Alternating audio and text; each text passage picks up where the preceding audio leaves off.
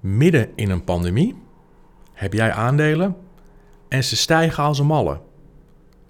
Weet jij wat het mechanisme is onder de beurs en waarom aandelen soms stijgen en soms dalen?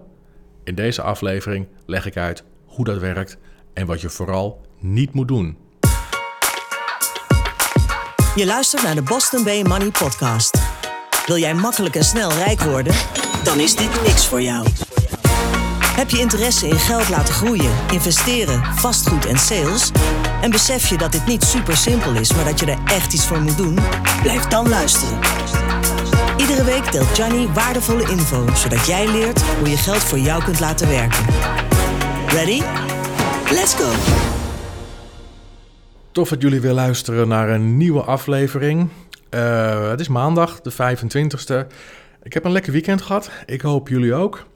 Um, zaterdag begon een beetje uh, hectisch, want ik moest nog een, uh, of ik moest, ik mocht nog een, uh, een money workshop geven, s ochtends. Was weer een keer een weekendeditie. Leuke groep, veel vragen. Anderhalf uur uitgelopen, maar goed, helemaal niet erg. Het was een leuke groep en uh, bijna iedereen zo de, de community in. Waar we ook weer extra kennis kunnen gaan delen met z'n allen. En het is leuk om te zien dat, dat ook de nieuwelingen weer lekker actief bezig zijn. Dus dat was een beetje mijn, mijn zaterdag. Was echt leuk. Um, zondag dingetje. Zondag heb ik mijn baard geschoren. Voor de mensen die het niet hebben meegekregen, en dat zullen de meeste van jullie zijn. Ik had mijn baard, nou ik denk al, al bij elkaar een, een, een maand of, of maand, een week of acht niet, uh, niet geschoren. Af en toe natuurlijk wel een beetje bijwerken, maar uh, niet te fanatiek. Dus het was een serieuze baard geworden. Ik vond hem een beetje te lang worden. Ik ben ook niet echt een, zo'n zo metroman die met zijn uh, apparatuur uh, voor de spiegel gaat staan en, en, lekker aan de gang gaat om er iets verzorgs van te maken. Dus ik had zoiets van, nou, ik vind hem een beetje te woest worden. Ik ga een kleine poging wagen, want ik heb wel een tondeuze thuis. Ik ga een poging wagen om hem, um, om hem een beetje bij te werken, een beetje te fatsoeneren. Nou, sommige mannen zullen dit misschien herkennen. Je begint met zo'n tondeuze, standje, nog een standje, nog een standje korter. En voor je het weet, voor je het weet heb, je, heb je iets waarvan je denkt van, nou, dit is ook niet helemaal wat ik zocht. Dus eigenlijk in een notendop. Ik ging van een, uh, van een, een, woeste man uh, in ongeveer, uh, nou wat zou het zijn, vijf minuten leek ik op een, op een beluga, zo'n zo'n witte dolfijn. Dus ik had zoiets zo, nou eens even wennen. Ik sta mezelf een beetje aan te kijken in die spiegel. Ik denk, nou, was ook niet helemaal wat ik zocht. Maar oké, laat me vieren. Ik, het went wel en we zien het wel. Dus ik naar beneden, want ik heb, deed dit allemaal in de badkamer boven. Ik naar beneden, zegt Mirel, mevrouw, zegt ze, zo, hoe lang, uh, hoe lang duurt het om die baard weer te laten groeien? Tja, het is natuurlijk, ik was echt helemaal kaal joh. Ik denk nou, uh, ik heb gelijk, ik laat hem weer langzaam groeien. En zo zie je maar, zelfs op een mooie zondag, als alles mee zit en je goed in je vel zit, is niet ieder plan dat je uitvoert een even geslaagd plan, zal ik maar zeggen. Wat wel leuk was gisteren, even van het fiasco met mijn met met kale wangetjes. Um, op um, Ziggo zijn ze begonnen met de finale van Vikings. Vind ik zo vet. Vikings, ik heb ze natuurlijk allemaal gezien. Alleen nog de laatste tien afleveringen. Zeg maar, dat zijn ook echt volgens mij de laatste tien afleveringen. Super gaaf. Het is een. Um, het is een, een, een, een, een, Er komen veel mensen in voor, laat ik het zo zeggen. Veel personages. Het, het schuurt ook een beetje tegen de geschiedenis. Dus dat heeft natuurlijk al helemaal mijn interesse. Als je het niet hebt gezien, het is wel een beetje uh, bloederig af en toe. Maar het is wel echt super gaaf. Super gaaf. Vikings. Wat ook leuk is om te zien in die serie, dat viel mij althans op, is de rol van de vrouwen in die tijd. Die liepen gewoon mee te rammen hoor, met hun zwaarden. Dat waren geen meisjes en, en, vrouwen die een beetje op hun kont kleedjes zaten te haken de hele dag. Niks ervan. Vol erin. Schild, zwaarden en beuken maar. Alles wordt vaderland. Heel tof. Um, voor de mensen die je mailtje gaan sturen, zeggen John, um, het is niet echt een geschiedenis hoor. Nee, dat weet ik zelf ook wel. Ik, kan, ik weet dat het geen geschiedenisserie is, maar het schuurt wel tegen de geschiedenis aan. Ik hou van geschiedenis, dus ik vind het leuk om mee te krijgen. Um, dus maak je niet druk. Ik begrijp dat dit niet een exacte navertelling van de geschiedenis is. Alright. Dat was het beetje het luchtige gedeelte. Ik heb voor de rest niet heel veel uh, tijd gehad om andere dingen uit te dokteren. En um, dus laat ik gewoon uh, beginnen met het, met het onderwerp van deze podcast. En het onderwerp, want ik krijg deze vraag vaak. Dus ik had zoiets van, ik ga er een hele aflevering aan wijden. In plaats van hem in die Ask Johnny formule te gieten. Dit is de vraag die ik het meeste krijg. John, wat is er aan de hand op de beurs? Nou, voor de mensen die ehm, al beleggen, die uh, zullen dit vast herkennen.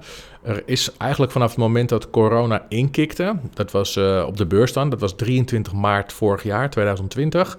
Toen was het even heel spannend en dat bleef het ongeveer die week.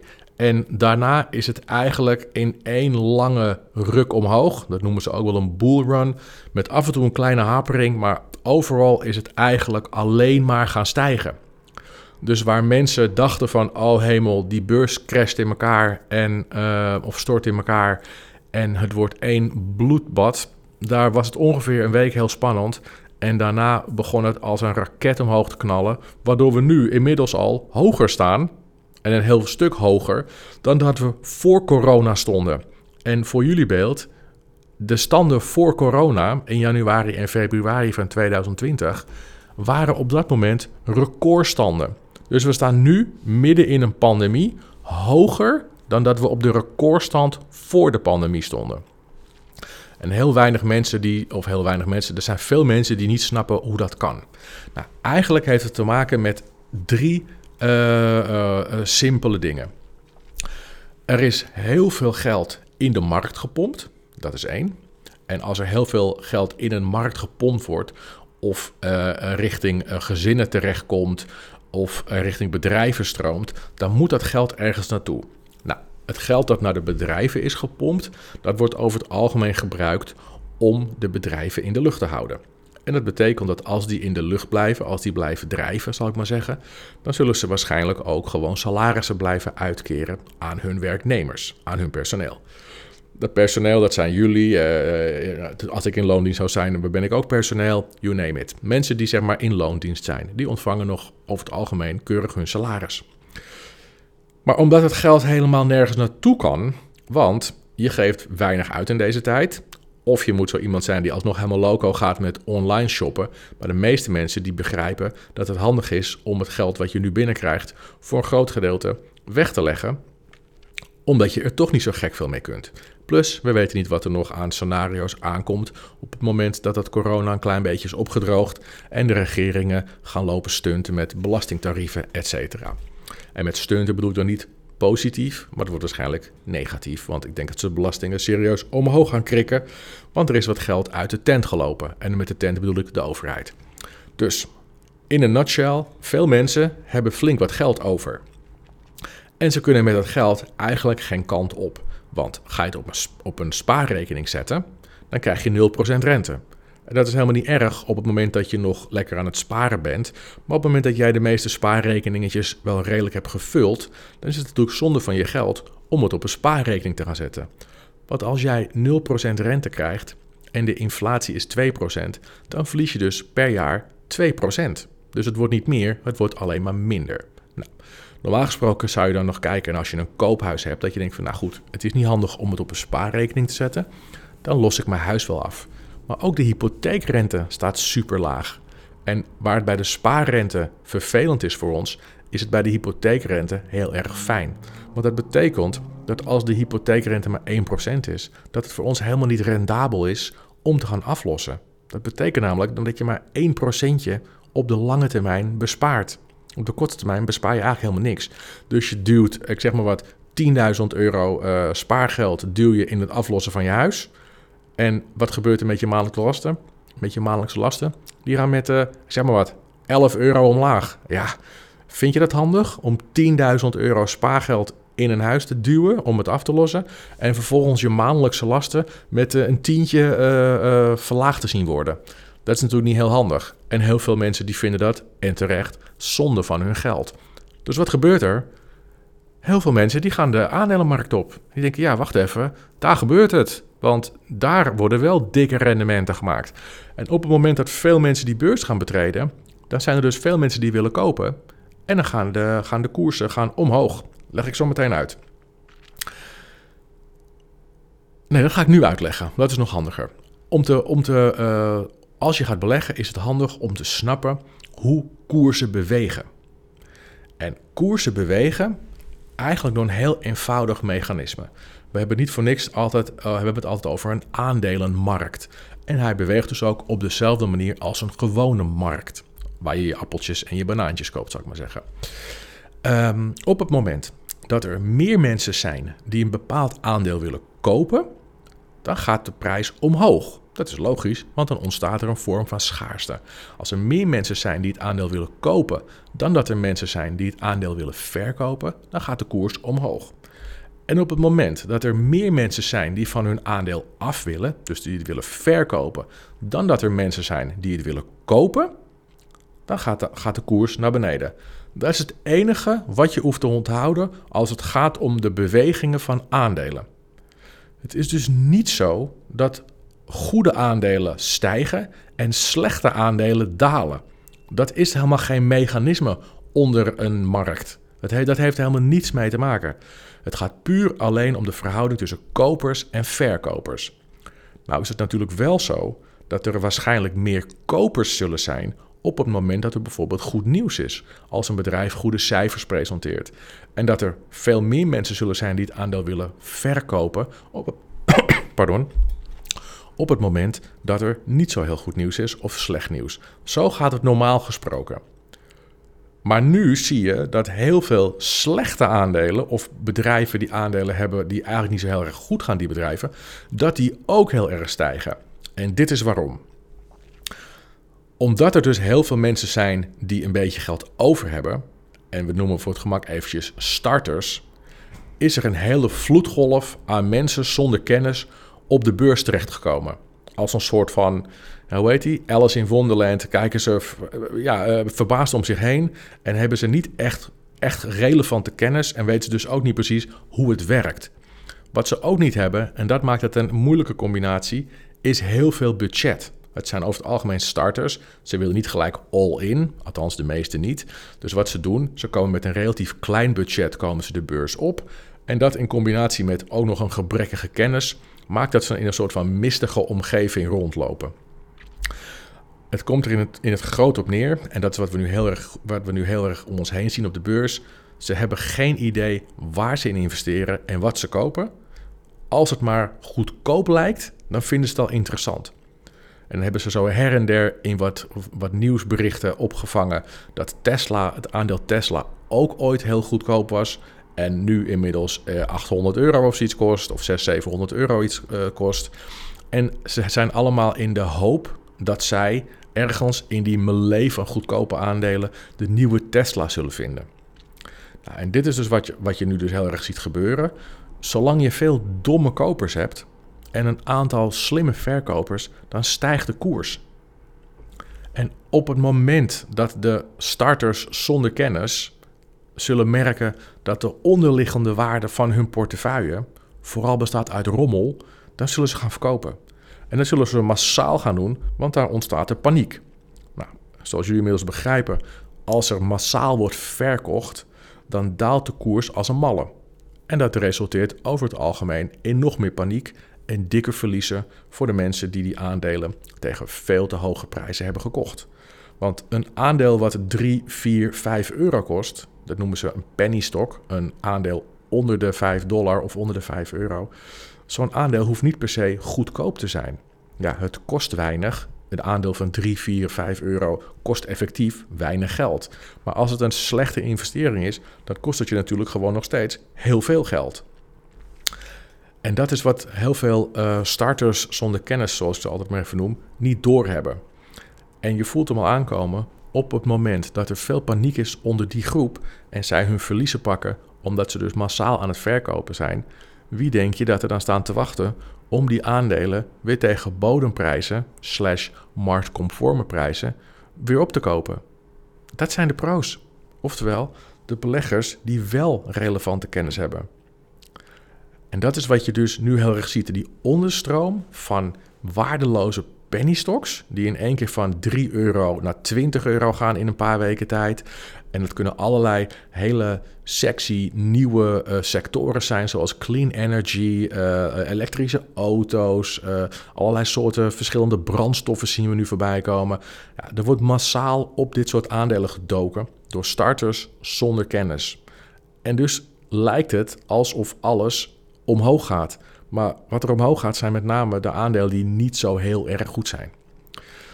het zijn over het algemeen zijn het bedrijven die ehm, nog nooit winst hebben gemaakt.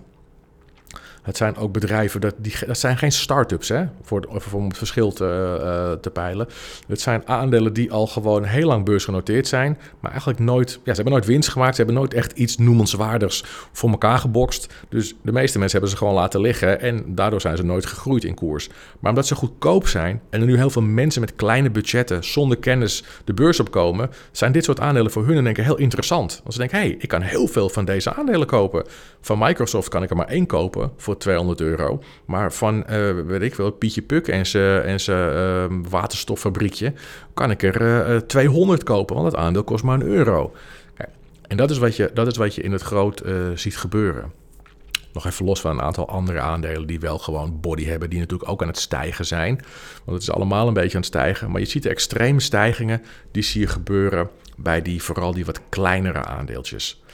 Over het algemeen is het heel simpel. Penny stocks zul je bijna nooit zien in de portefeuilles van ervaren investeerders. Want penny stocks die bewegen als een malle en op de lange termijn bewegen ze bijna altijd de verkeerde kant op en dat is naar beneden. Ik neem even een slokje water. Dat wil overigens niet zeggen dat ik nul penny stocks in mijn portefeuille heb. Want ik begrijp de lol en de hype begrijp ik ook wel. Het is, um, het is heel belangrijk dat het een heel klein gedeelte van je portefeuille is paar procentjes. Want ik, laat eerlijk zijn, het is wel superleuk als je trots vertelt dat uh, jouw aandeel in een week 60% is hier gestegen. Jan, hij is 60% gestegen. Ja, dat is heel tof om te vertellen. Maar wat je eigenlijk zegt, is dat jij in een aandeel bent gestapt dat ook met 60% had kunnen dalen. Er is namelijk niet echt een onderliggende, onderliggende waarde gecreëerd waarom dit aandeel met 60% is gestegen. Er is niet een nieuw product wat ze hebben gelanceerd wat enorm veel winst maakt. Het is niet dat die tent in één keer verschrikkelijk veel geld heeft verdiend. Nee, het is gebaseerd op het feit dat heel veel mensen op een, op een gerucht of weet ik veel wat in dit aandeel zijn gestapt. En omdat er zoveel is gekocht in plaats van dat er is verkocht, is dit aandeel als een malle gestegen. Je hebt dus de deur opengezet voor super veel risico. En nogmaals, dat is geen probleem met een klein deel van je portefeuille. Maar ik zie dagelijks portefeuilles van mensen die heel trots met mij delen uh, hoe, goed ze, goed ze gaan. Iedereen gaat natuurlijk nu zo ongeveer goed. Maar dan, dan kijk ik en dan denk ik, oh, wat moet ik nou zeggen? Want ik wil ook niet de, de sfeer verpesten. En dan zie je zo'n portefeuille en denk je, oh, dat bestaat voor minimaal 50% uit goedkope rommelaandelen. En dan wil ik eigenlijk zeggen, ja, ik heb slecht nieuws voor je. Je moet je, plan, je moet je plan aanpassen. Maar ja, ik heb dat natuurlijk een paar keer gedaan. En op een gegeven moment wil je ook niet steeds een negatief iets. Dus dan denk ik, nou, eh, klasse van je, klasse van je. En ondertussen denk ik, oh man, jij gaat, jij gaat zo hard verlies maken. Maar ja, aan de andere kant denk ik ook, je moet gewoon zorgen dat je genoeg kennis hebt voordat je de beurs opkomt. Het is geen uh, kindergarten, het gaat om geld. En wanneer er geld in het spel is, dan heb je altijd te maken met prooidieren, en met roofdieren. En ik denk dat het handig is om, dat heb ik al vaker gezegd, dat je moet zorgen dat je klaar bent als, pro, als roofdier voordat je die markt opgaat, want je wordt leeggeschud. En als jouw portefeuille, zonder dat je het weet, voor meer dan 50% uit goedkope rotzooi bestaat, zonder onderliggende waarden, zonder sterk fundament, ja, dan ben je echt uh, dan ben je gewoon rijp voor de slacht. En er zijn genoeg mensen die gaan verschrikkelijk misbruik maken van jouw onwetendheid. En dat is ook een beetje je eigen schuld om op de lange termijn winst te maken, heb je een sterk fundament nodig. Je moet gewoon goede, sterke aandelen hebben en daarbovenop kun je gaan stapelen. Ik vergelijk het wel eens met het bakken van een taart. Een slag, laten we zeggen een slagroomtaartje. Voor de duidelijkheid, lieve luisteraars. Ik heb nog nooit een taart gebakken natuurlijk. Maar ik heb wel eens gezien hoe een taart er in de winkel uitziet. Dus ik weet wel een klein beetje hoe, hoe, hoe je een taartje opbouwt. Wat veel mensen in deze tijd doen, en ik noem het voor het gemak maar even starters zonder relevante kennis. Want niet iedere starter snapt er geen reet van. Er zijn ook starters die het wel snappen. Maar ik heb het even over starters zonder relevante kennis. Als je kijkt naar die slagroomtaart, dan ben je als het ware begonnen met die vieze vruchtjes die je altijd bovenop ziet. Dat vieze mandarijntje en dat andere rode ding wat een soort van kers is, die eigenlijk iedereen meteen eraf tikt, omdat die niet te vreten is. Je bent je portefeuille begonnen, je bent je taart begonnen te bouwen met die vieze vruchtjes. Maar op die vieze vruchtjes kun je niks stapelen. Wat je nodig hebt is een stevige bodem. Je moet eerst je bodem creëren, want op die bodem gaat jouw hele taart rusten. En op het moment dat je die bodem stevig hebt, dus met sterke aandelen, ik zeg maar wat, Microsoft, Google, misschien Amazon, ehm, eh, misschien een paar olieaandelen die nog wel zullen stijgen. In ieder geval sterke jongens, dan kun je daar bovenop gaan bouwen. En ik snap wel dat het niet het meest sexy is om mee te beginnen, omdat dat zijn geen aandelen die op een dag 60% doen, of 20% of 10%. Dat snap ik ook wel. Die doen vaak in een maand niet eens 10% en sommige in een jaar niet eens. Maar je moet je fundament sterk hebben, want dat is je onderstroom die op de lange termijn rendement blijft geven. Die stuiterballenvruchtjes die jij in aandelen hebt, daar kun je geen taart op bouwen. Dus het, het, het blijft altijd spannend. Je kunt er geen, je kunt geen, dat is geen investeren, dat is gokken. Dus bouw alsjeblieft een stevige bodem. En na die eerste stevige bodem ga je door met de volgende stevige uh, laag. Dat je cake-laag, of weet ik veel hoe, dat heet, hoe dat heet in een taart. Daarna ga je langzaam maar zeker naar het slagroom, naar die icing en naar die vruchtjes. Maar dat moet helemaal bovenop. De 80% van je taart is je fundament. En die vruchtjes bovenop, dat is maar een klein percentage van je portefeuille. Althans, zo zie ik het. En dat is de manier hoe ik weet dat ik geld verdien. En dat heel veel andere ervaren investeerders ook hun portefeuille hebben ingericht. Zo doe je dat. Je moet een fundament bouwen en daarbovenop ga je stapelen. Niemand met kennis, met relevante kennis, gaat jou vertellen dat beleggen of investeren, hoe je het wil noemen, een sexy, snel, spannend ding is waar je in no time binnenloopt. Dat is gewoon niet zo. Het is eigenlijk best wel saai. Het gaat voornamelijk om wachten, een klein beetje kopen, op de juiste momenten instappen, heel soms verkopen om je winst te pakken of als je wat meer pech hebt om je verlies te nemen. Maar verder is het vooral een kwestie van lange adem en wachten. Je moet een lange adem hebben en wachten. En ik kan je nu al één ding beloven. Wanneer jouw portefeuille voornamelijk bestaat uit voormalige penny stocks van bedrijven die geen winst maken. En laten we eerlijk zijn, waarvan jij ook eigenlijk niet precies weet wat het verdienmodel is. Met andere woorden, hoe zij hun geld verdienen al die biopharma-bedrijven, in alle eerlijkheid, 90% van de mensen heeft geen idee wat het, wat het verdienmodel is van biopharma-bedrijven. Hoe dat gaat met al die trial-fases. Wanneer, wanneer moet je van trial 3 terug naar trial 2? En wat gebeurt er dan met de omzet en met de winst van een bedrijf? Dat weet bijna niemand. En toch zijn heel veel juist van dit soort penny stocks, die biopharma-bedrijfjes, die als een malle omhoog schieten, omdat heel veel starters zonder kennis in dat soort bedrijfjes gaan zitten. Ik geef je op een briefje, ik beloof het je. Als dat jouw portefeuille voornamelijk is, dan ga je op de lange termijn bijna 100% zeker verlies maken. Je moet het ook niet ingewikkeld maken. Je moet het eigenlijk gewoon heel simpel houden. Vraag eens aan jezelf: bij hoeveel grote investeerders, en dat kun je gewoon vinden op Google, bij hoeveel grote investeerders bestaat hun portefeuille uit penny stocks of onbekende, vage bedrijven die nooit winst maken? hoeveel grote investeerders hebben hun portefeuille op die manier opgebouwd? Toch niemand toch? En ze hebben allemaal succes. En volgens mij, als je gaat beleggen, dan wil je ook succes. Dus waarom ga je dan eigenwijs doen? Je wordt pas succesvol wanneer je weet waar je in investeert en vooral waarom je erin investeert. Als jij tegen mij zegt, John, of tegen iemand anders in mijn netwerk, als jij tegen ons zegt, jongens, ik heb aandeel X gekocht. Zeggen nou, klasse, Eén vraag, waarom eigenlijk? Want wij kennen het aandeel misschien niet, dus uit oprechte interesse zullen wij je vragen: waarom heb jij in het aandeel geïnvesteerd?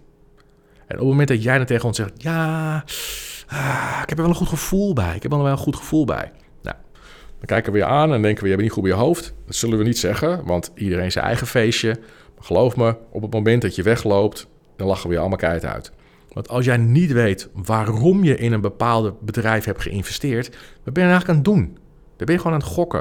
En het is niet slim, want je werkt de hele maand hard voor je geld. Aan het einde van de maand word je daarvoor beloond middels je salaris. Je kunt een gedeelte van je salaris gebruiken om te gaan investeren, zodat je nog meer geld gaat verdienen en dus nog meer vrijheid voor jezelf kunt realiseren. Waarom zou je daar gaan gokken? Dat is toch dom? Je moet juist weten, juist omdat je zo hard voor dat geld gewerkt hebt, juist omdat het geld zo, zo een, een ticket naar je vrijheid is, naar, naar, nieuwe opties, dan moet je toch juist heel zuinig en heel slim met dat geld omgaan. Dan ga je toch niet, niet een of ander suf aandeel kopen waarvan je niet eens weet hoe ze hun geld verdienen en wat de, wat de onderliggende waarde van die tent is. Dat is gewoon niet slim. Je moet leren hoe je onderzoekt of onderzoek doet, moet ik eigenlijk zeggen, hoe je onderzoek doet, nog beter Nederlands. Je moet eigenlijk leren hoe je, hoe je uh, onderzoek doet naar goede aandelen. Wat zijn goede aandelen? Waar moet ik op letten?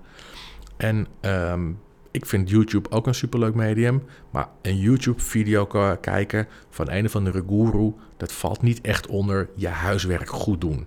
Dat is eigenlijk hopen dat hij zijn huiswerk goed heeft gedaan, zodat jij het blind kunt kopiëren. Maar dat is niet zelf onderzoek doen of, of kijken wat het verhaal is, nadenken, sparren met andere mensen, misschien heel klein instappen, even kijken wat er gebeurt. Je moet, je moet je eigen huiswerk doen. Je moet snappen wat er gebeurt en je moet snappen waar je je geld aan uitgeeft. Ik hoop dat dit, het klinkt weer allemaal een beetje schoolmeesterig en dat probeer ik uh, uh, niet te doen. Alleen, ik vind het gewoon, ik zeg, ga toch gewoon eerlijk zeggen, ik vind het gewoon zielig als ik mensen heel enthousiast zie uh, uh, roepen van ja, ik ga goed, ik heb het door en uh, ik heb 2000 euro geïnvesteerd in totaal of 4000 euro in totaal geïnvesteerd en kijk dan, dit is mijn portefeuille. Dan kijk ik ernaar en denk ik, jezus, wat heb je in, van wie heb jij in godsnaam advies aangenomen, man? Wat heb je in hemelsnaam gedaan? Ik moet ook eerlijk zeggen, er zijn vooral mannen bijna. Want die, die meiden, alle respect boys, maar die meiden hebben het even stukjes beter voor elkaar. Die zitten over het algemeen, hebben die hun portefeuilles gewoon sterker ingedeeld dan heel veel startende mannen slash jongens, moet ik eerlijk zeggen. Het is niet voor niks dat vrouwen normaal gesproken op de lange termijn ook meer rendement maken dan mannen. Vrouwen die denken net even wat dieper na, uh, hebben wat meer tijd voor analyses. Die, die gaan niet over één nacht ijs. En dan zie ik zo'n portefeuille van zo'n jongen, wat ik heel vaak leuke, leuke gasten vind, enthousiaste gasten. Volgen me via Instagram, positief. En dan, dan denk ik, oh man, jij bent over een tijd gewoon al je poen kwijt. Dat vind ik zo zielig. Maar ja, ik kan niet de hele tijd blijven roepen van... nee, je, bent niet goed bezig, je bent niet goed bezig. Je moet iets anders bedenken. Want dan denk ik op een gegeven moment... ben je voor zure oude clown, hou je mond, Jan. Dus het is mij ook een beetje spagaat. Vandaar dat ik, dat ik er een podcastje aan wilde wijden. Ik wil je nog een tip geven. En ik hoop dat jullie het, dat jullie het waarderen. En als je het niet waardeert, ja, aan de andere kant ook fuck dan moet je niet luisteren. Dan moet je een podcast gaan luisteren waar ze zeggen dat je alles wat je doet, dat dat slim is. Dat is, past dan misschien beter bij je. Alright, uh, ik wil je nog wel een tip geven. En dat is wat ik heel veel, uh, niet alleen starters, maar ook wat meer ervaren uh, beleggers zie vergeten. Hoe je het ook went of verkeerd, mensen, we zitten natuurlijk in een beetje warrige tijd. Het gaat nu allemaal omhoog. Nou goed, het onderliggende, de onderliggende reden heb ik net proberen uit te leggen. Uh, of in ieder geval één van de onderliggende redenen heb ik proberen uit te leggen. Uh, maar vergeet niet, het kan ook weer naar beneden. Hè? De overheden blijven geen geld printen en blijven geen, geen bedrijven steunen. Er komt natuurlijk op een gegeven moment een kantelpunt. Ik verwacht dat dat kantelpunt ervoor gaat zorgen dat mensen hun banen gaan verliezen. En ik zeg niet massaal, maar er zullen best wel wat mensen hun banen gaan verliezen. Er komt wat onrust. Mensen gaan denken: oh fuck, ik heb best wel veel in aandelen of in bitcoin zitten. Ik haal er even wat uit. Ik zet het toch maar op een spaarrekening. Dan maar die 0, die 0 euro uh, of die 0% rente. Maar dan ben ik in ieder geval wat veiliger voor mijn gevoel. En dat is ook zo. Dus je gaat een soort terugtrekkende beweging zien, omdat mensen gaan veiligheid inbouwen. Althans, veel mensen. Op het moment dat jij om je heen hoort dat veel mensen hun baan verliezen en je komt niet uit een eitje, dan denk je, nou, ik ga ook niet dom doen. Ik ga even wat aandelen verkopen. Ik ga misschien wat bitcoin verkopen. Ik ga even wat meer geld op mijn spaarrekeningetje vasthouden in plaats van dat ik het ga investeren. Want daar zit net wat meer risico bij. Nou, op dat moment dat dat gebeurt en meer mensen denken, dan krijg je dat mechanisme weer. Meer mensen gaan verkopen dan dat er, dan dat er kopers zijn, dus de koers die gaat naar beneden.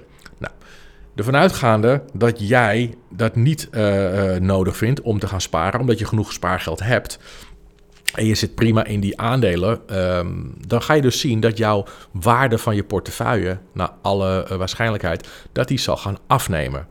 Maar op het moment dat dat wel sterke aandelen zijn, dan is het natuurlijk super mooi en een hele gave kans om bij te kunnen kopen op het moment dat die koersen naar beneden gaan. Want als jouw aandelen een goed fundament hebben, sterke bedrijven met goede winstposities, dan zul je zien dat ondanks dat, uh, uh, uh, dat heel veel mensen dat snappen, dat de koersen toch naar beneden zullen gaan, omdat er veel mensen aan het verkopen zijn. Die zijn hun poen uit de markt aan het trekken, omdat ze veilig willen zijn.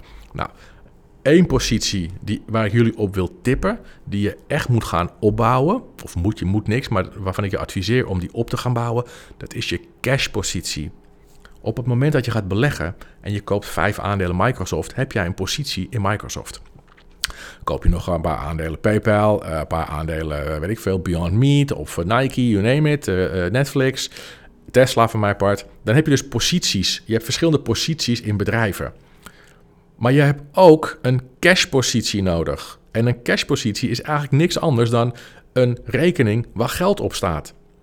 Nu is het bij de, en dat is dus geld om te kunnen inspringen op het moment dat het spul in elkaar, nou dondert wil ik niet zeggen, maar op het moment dat het, dat het allemaal hard gaat dalen, dan is het natuurlijk heel tof als jij degene bent die een cashpositie heeft opgebouwd. En die cashpositie die kun je dan gebruiken om bij te kopen. En dat is op de lange termijn een super mooie kans, want dat gaat op een gegeven moment weer groeien. Dan heb jij laag ingekocht, of bijgekocht. Maar in ieder geval, je gemiddelde aankoopkoers is naar beneden gegaan. Maar jij had die cashpositie gebruikt in dit geval om, om in te springen, om bij te kopen. En als de beurs dan op een gegeven moment weer gewoon aantrekt, dan ga jij twee keer zo snel. Want jij hebt heel veel van die sterke aandelen laag ingekocht.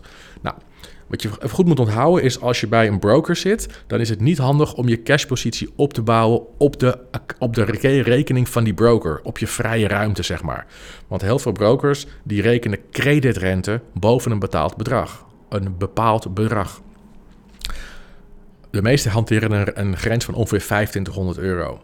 Wat ik je zou adviseren is, maak op je eigen bank, maak even een nieuw, een nieuw spaarrekeningetje aan en noem die spaarrekening gewoon cashpositie. Lekker simpel. Ga daar gewoon sparen en gebruik dat geld alleen maar om dus te kunnen inspringen op het moment dat het spul naar, naar beneden gaat. Want dan ben jij degene met poen.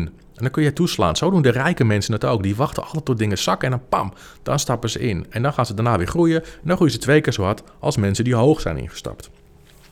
Dus bouw je cashpositie op gewoon op je normale rekening bij je bank. Je krijgt er geen rente over. Het is even niet anders. Maar het is, het is een positie die je gaat, gaat gebruiken om in te springen als het nodig is. Dat was eigenlijk een beetje de laatste, ehm, de laatste, uh, het laatste gedeelte van deze podcast wat ik met jullie wilde delen. Ik hoop dat jullie er iets aan gehad hebben. Als je feedback wil geven, dan kan het uiteraard. Ik ben op allerlei kanalen ben ik, uh, te vinden. Doe lekker je ding. Ik wil jullie sowieso bedanken voor het luisteren. Wil je me volgen op, of volgen, wil je me een connectie van me worden um, op LinkedIn? Dan kun je me gewoon een connectieverzoekje sturen via uh, mijn naam, Gianni Amato. Um, en op Instagram ben ik niet te vinden onder mijn naam, maar het is wel leuk als je me volgt, want daar deel ik eigenlijk alleen maar um, aandelen, uh, vastgoed, investeren, side hustle, gerelateerde content. Daar ben ik te vinden onder Boston Bay, dan underscore money management. Alright, nogmaals bedankt voor het luisteren. Het is vandaag maandag, het is mooi weer, dus maak er een mooie dag van. En als je vragen hebt over de beurs, let me know. Oké, hoi!